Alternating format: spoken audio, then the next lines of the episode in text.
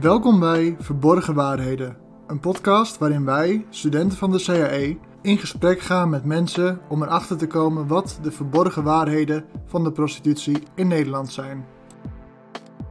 In deze aflevering gaan Elselieke en Lisa in gesprek met Maurice Strijbos. Maurice is zorgcoördinator mensenhandel in Limburg. We vroegen hem om eerst iets over zichzelf te vertellen. Kun je iets vertellen over jezelf? Wie je bent en wat voor werk je doet? Ja, nou, ik ben uh, Maurice Strijbos en ik uh, ben zorgcoördinator mensenhandel voor Noord- en Midden-Limburg. En uh, ja, uh, laat ik zo zeggen, een heel interessant, interessant beroep, maar ook wel heel indringend. Ehm, het is een beroep wat niet voor de mens met de lichte maag geschikt is, om het zo maar te zeggen. Ja. Ja, eventjes over een stukje van mijn verleden. Ja, ik, ik, ik, ben, uh, ik heb de opleiding SPH gedaan, wat nu tegenwoordig social work is. Ik heb uh, en, en met mijn beginjaren een aantal jaren op uh, de groepen gewerkt met lichtverstandig beperkte jongeren en strenge gedragsstoornissen. Van daaruit naar het forensisch kader, dezelfde doelgroep.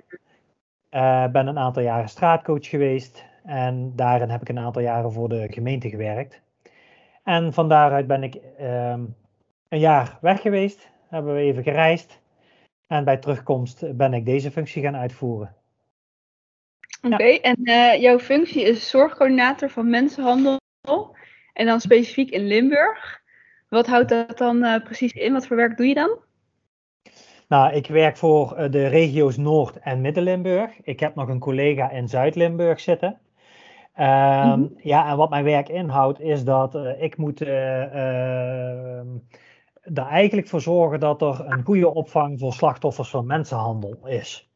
En uh, daarin zal ook gekeken moeten worden dat er een goed behandelaanbod in de regio gaat ontstaan. Um, maar de taak is zoveel breder in de zin van dat je heel veel verbindingen moet leggen. Hè. Je moet er van alle handen instanties aan elkaar koppelen. Dus je bent altijd bezig met het uh, bouwen van een netwerk. Uh, maar je bent dus ook hè, uh, bezig met een stukje um, uitleg van wat is nou mensenhandel. Dus je, je probeert dat op de kaart te zetten. Ja. ja. Want is uh, mensenhandel en dan gericht op ja, gedwongen prostitutie, hoor je niet vaak in Limburg per se. Hè? Meestal is Amsterdam best wel bekend. Um, kun je wat vertellen over hoe dat in Limburg eruit ziet? Ik ga, jullie snappen dit natuurlijk al, mensen, het stuk mensenhandel, maar ik denk dat het voor de, voor de luisteraar wel ook goed is om te begrijpen dat mensenhandel een heel breed begrip is. Hè? Um, ja. Ik weet niet of jullie dat eerder al uitleggen uh, in, in, in het begin van de podcast, zeg maar, uh, wat mensenhandel in de breedste zin is. Nee, dat we hebben het wel specifiek op gedwongen okay. Want het is namelijk, het is voor mij namelijk wel handig om, te, om, om ook uit te leggen in de zin van dat um, mijn functie behelst alle vier de, um, de doelgroepen van mensenhandel. En dan heb je ja. enerzijds de seksuele uitbuiting, dan heb je arbeidsuitbuiting, je hebt de criminele uitbuiting en je hebt de orgaanhandel. Um, ja. En als zorgcoördinator is het mijn taak om me, om me te bewegen op alle vier de vlakken. Okay. En um, het onderwerp waar jullie nu de podcast, de podcast van maken, is in principe een klein deel van het hele grote onderwerp, om het zo maar te zeggen. Ja. En um, jouw vraag was geloof ik zo van uh, de gedwongen prostitutie. Hè, uh, hoe zit dat in, in Noord- en Midden-Limburg en hoe verhoudt zich dat uh, tot, tot Amsterdam? Um, ja. Want ik hoorde je ergens stiekem ook al zeggen, komt dat er hier wel voor? Um, ja. nou, ik kan jullie wel zeggen dat um, als je bekijkt naar prostitutie op zich, hè, vroeger had je, um, had je daarvoor uh, de, de, de, de, de instituties, om het zo maar te zeggen, had je bordelen, je hebt de escort. Uh, wat zich nu vooral voordoet, is dat er veel thuisprostitutie plaatsvindt. En thuisprostitutie, dat uh, grenst heel dicht aan een stukje illegaliteit. Ja. En waar komt dat uit voort? Nou ja, heel cru gezegd, veel gemeentes willen niet uh, in, in relatie staan tot een seksuele inrichting, om het zo maar te zeggen. Ze, ze, vinden het niet fijn als er in een stad een bordeel of een escortbureau of wat dan ook is. Ja, um, ja. Wil niet zeggen dat het tegen te gaan is, maar ze staan er ook niet op te springen dat, dat ze er zijn. Maar dat zorgt aan de andere kant wel voor een probleem. En dat probleem is, is dat op het moment dat jij aan de legale kant een verdringing doet, je de, de verdringing gaat laten plaatsvinden richting die illegaliteit. Ja. Dus met betrekking jouw vraag, zit er een verschil tussen Amsterdam en Limburg? Ik denk niet dat er heel veel verschil in zit. Misschien in de hoeveelheid. Mhm. Maar het feit dat het hier plaatsvindt, is wel degelijk zo. Ja. Oké, ja. En waar, komen wij dat, waar, waar, zien wij dat vooral in? Ehm, eh, ik loop hier regelmatig mee met, uh, met de prostitutiecontroles die uh, gedaan worden. prostitutiecontroles worden veelal door een samenwerking van gemeentes en de AVIN van politie gedaan. Nou, daarin sluit Leger des Heils aan en ik als zorgcoördinator om een volledig mogelijk pakket richting mogelijk slachtoffers te leveren. Uh, en ook meteen op te kunnen pakken als dat nodig is. Ja. Um, hoe doen wij dat? Uh, nou, dat is heel simpel. We gaan het internet op en uh, we gaan naar de sites als sexjobs.nl, um, Bullchat, kinky.nl, ja, noem het maar op. En dan gaan wij als mens zijnde gewoon contact leggen met de prostituees en wij gaan proberen om een afspraak te maken. En okay. bij die afspraak doen wij dan vervolgens ook de controles. Of laat ik zo zeggen, de gemeente, gemeenteambtenaar maakt die afspraak met de politie samen. Zij komen binnen, zij doen de controles. En daar waar nodig schakelen wij, als we het hebben over mensenhandel, schakelen wij bij welke zorg dat er dan nodig is. Ja, okay. um, laat ik zo zeggen, uh, als je het hebt over illegale prostitutie, uh, dat zit hier in Limburg eigenlijk de hele week zie je dat. Maar je ziet wel met name een concentratie van eigenlijk donderdag tot en met zaterdagavond, zondag. Dat zijn eigenlijk de high times als het gaat om de contacten tussen um, de klant en de prostituee. Ja. ja, en als jullie controles uitvoeren, waar letten jullie dan op en wat houdt zo'n controle in dan? Nou, zo'n controle dat gaat zich dus, dat richt zich echt op illegale prostitutie. Um, je mag in Nederland mag je niet zomaar uh, vanuit huis uh, uh, jezelf prostitueren. Mm-hmm. Dat heeft ermee te maken dat je als prostituee eh, moet je tegenwoordig een KVK-nummer hebben. Hè? Dan moet je je ingeschreven ja, staan bij de Kamer van Koophandel. Dus daaraan hangt ook je, je belastingaangiftes vast. Dus okay. je, bent, je bent eigenlijk ZZP'er, om het zo maar te zeggen. Nou, Ja. wat wij dan veelal zien is dat eh, eh, je mag het eigenlijk niet zomaar van een thuissituatie doen. Ehm, maar ja, laat ik zo zeggen, waar letten wij dan op? Wij letten op leeftijd.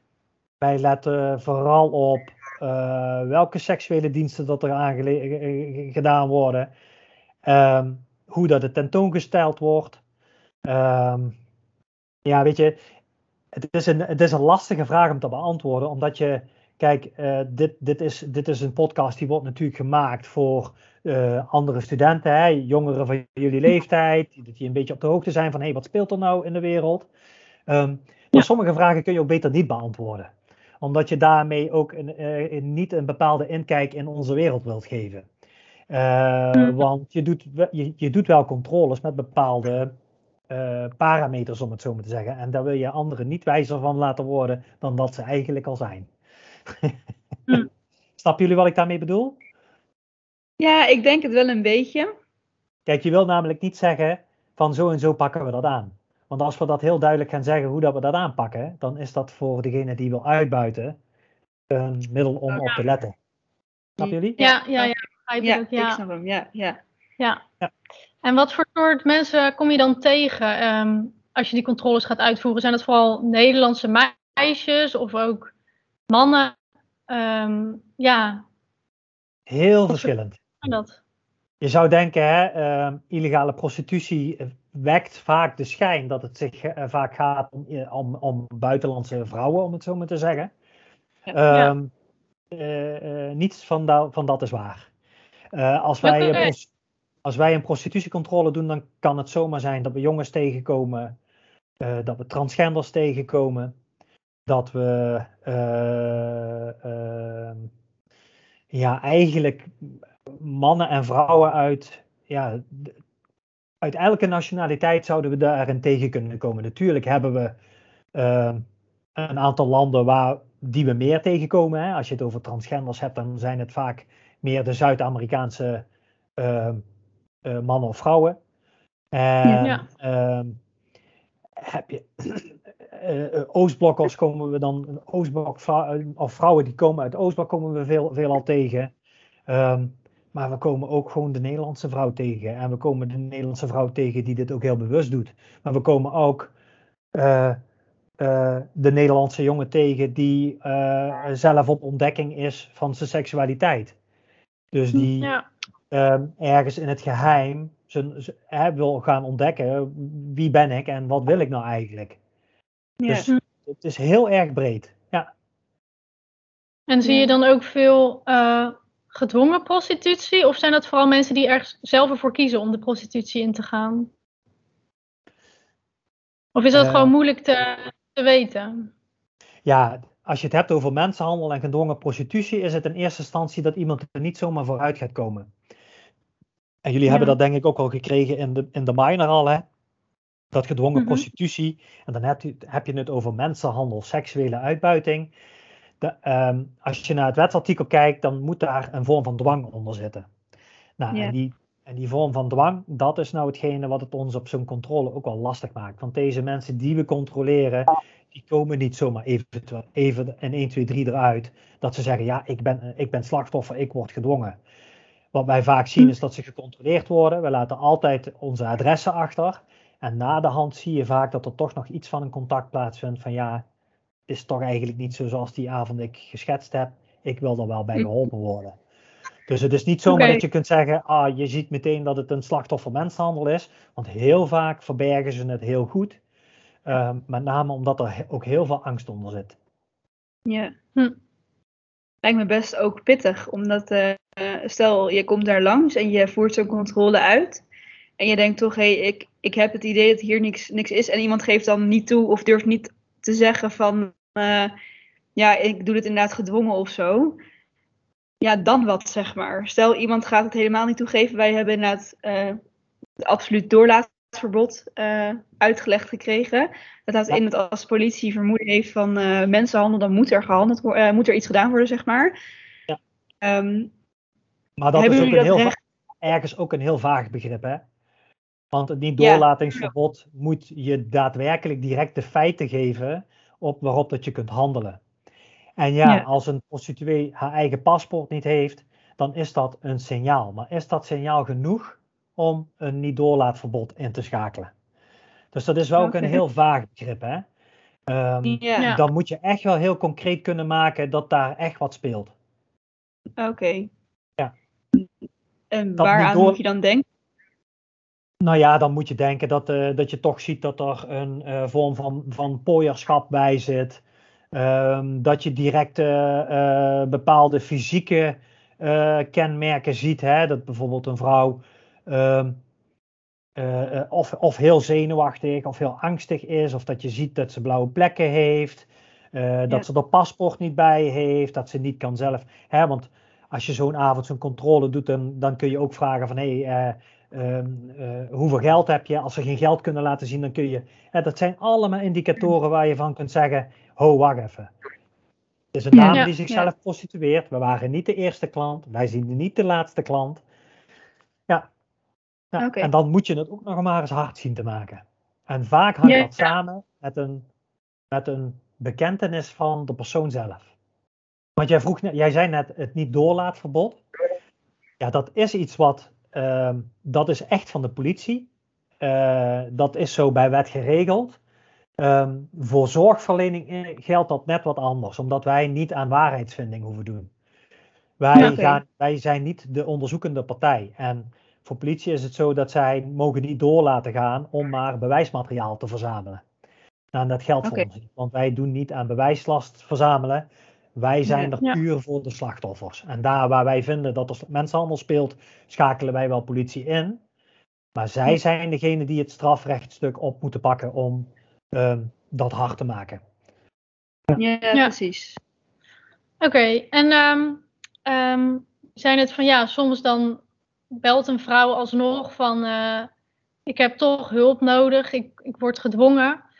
Ehm, met wie komt ze dan in contact? Komt ze dan met jou in contact terecht? Of wat gebeurt er Eh, dan? Zeg maar? Nou, als je het dan hebt over zo'n prostitutiecontrole, dan gaat ook altijd het leger des heils mee. En zij, wij schuiven met name toch wel leger des heils ook wel daarin naar voren, omdat dat de echte Mhm. zorgverleners zijn. En zij eh, vaak ook heel snel kunnen handelen als het zich gaat hè, om eh, bijvoorbeeld huisvestiging of toeleiding naar. Ehm, Ja. Ik kan dat ook, maar ik ben dan wel altijd afhankelijk van eh, de organisatie of ze, de, of ze plek hebben. En het leger des heils is gewoon een, zelf, een zelfstandige organisatie. En die kan vaak daarin wat sneller handelen, om het zo maar te zeggen. Ja. Dus wij schuiven dan wel zo, is echt het leger des heils ervoor. En dat zien we dan ook wel vaker dat de mensen daar dan ook contact mee opnemen. Oké, En hoe verloopt dan zo'n traject? Als, het, als iemand eenmaal eh, een beetje uit, oh, uit de prostitutie is. Ehm, wat gebeurt er daarna dan? Wat, welke stappen worden ondernomen? Nou ja, jij zegt meteen uit de prostitutie. Eh, dat wil niet zeggen op het moment dat ze contact met ons leggen dat ze meteen uit de prostitutie zijn. Want ook daarin is nog steeds de angst voor dwang hè, en geweld. Ja. Ehm, eh, maar ze zetten de eerste stap. En die eerste stap is een stukje communicatie. Dat Ja. je met elkaar in contact komt. Dat je met elkaar het gesprek aan kunt gaan. Dat je ehm, een gesprekspartner kunt zijn. ehm, eh, eh, waar, de- waar, waar degene die daarmee te maken heeft even op terug kan vallen als dat nodig is. Ehm, en je begint zo'n traject vaak heel langzaam, omdat je er ook wel voor wil voor- voorkomen dat die mensen direct in de problemen gaan komen. Want Ja. heb je het nou, kijk, eh, de dwang richt zich vaak niet alleen op de persoon zelf, maar de dwang richt zich ook heel vaak op familie, vrienden, omgeving. Ja. Hè? Dus Ja. dat, ehm, eh, dat, dat, dat, voor ons als zorgverleners eh, eh, moeten we daar gewoon zorgvuldig in zijn. We proberen natuurlijk Ja. direct te handelen daar waar de, het slachtoffer daar zelf ook voor open staat.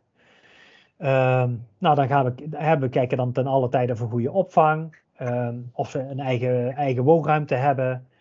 ehm, of er goede zorg is, daar kijken we naar. Ehm, daar waar het slachtoffer behoefte heeft om aangifte te doen, gaan we dat ook in gang brengen. Dan vindt er altijd eerst een informatief gesprek plaats met politie, zodat het slachtoffer ook weet waar, waar eh, zij of hij aan begint. Want Ja. ja, aangifte doen, dan ben je eigenlijk niet klaar. Dat is eigenlijk de eerste stap. Daar komt een hele sleep na. En dat, Ja. vooral dat proces daarna, dat is echt wel ehm, heel intensief. Want dan heb je vaak te maken met secundaire victim, victimisatie. Hè? Dus dan, Mhm. Ja. eh, dan ben je niet, je hebt één keer je verhaal gedaan, maar dan mag je je verhaal nog ja, wel 10, 20 keer doen. Ja. En hoe vaker dat je het moet doen, hoe meer dat je ook slachtoffer uiteindelijk wordt. Hè? Dus Ja. ehm, ehm, daar vindt dan eh, dat informatieve gesprek over plaats. Hè? Zo van wat ga je dan aan? Ja. En, dan, en dan is het ook aan de persoon zelf om te bekijken of dat haalbaar is. Ehm, eh, en daar moeten we dan op voortborduren. En dan gaan we kijken van wat worden voor jou de stappen om er dan uit te stappen. Oké. ja. En daar kan nog wel heel wat aan, aan, daar kan nog wel heel wat aan, aan gedaan worden hoor. Want qua inrichting vind ik niet dat wij in Noord- en Midden-Limburg echt voorop lopen, om het zo maar te zeggen. Hè. De, de, de, de- we hebben wel allemaal zorginstanties die zich met het slachtoffer willen bemoeien. Maar als je het hebt over preventie of goede nazorg, eh daar mag echt nog wel een slag gemaakt worden. En daarin zien we dan wel weer het verschil met Noord- en Midden-Limburg en bijvoorbeeld een, een Amsterdam. Want als jij in Amsterdam op de Wallen werkt, nou ja, dan, eh, hè, dan, dan, dan heb je het registratiebureau. Dan moet je een inleidend gesprek hebben. Je, kunt, je gaat op gesprek bij de GGD. Eh, er is een uitstapprogramma prostitutie. Ja, dat hebben wij dan ook middels Levenskracht en Leger des Heils in Noord- en Midden-Limburg. Maar dat is weer niet zo direct in het zicht gepositioneerd, om het zo maar te Ja. zeggen. Ja, je hebt het inderdaad een beetje over eh, het hele traject daarna. Dus als iemand uit de ja, een soort van uit de prostitutie of een stap zet om eruit te gaan, wat er allemaal gebeurt. Maar heb jij ook verhalen van mensen die eruit zijn gekomen en hoe, het, hoe ze hun leven verder hebben opgepakt? Uh, ja, heb ik. Um, het is een heel lastig verhaal. Want als jij uit de gedwongen prostitutie komt, dan heb je een litteken voor het leven. Wil je weten hoe dit gesprek verder gaat? Luister dan ook naar de volgende aflevering van Verborgen Waarheden.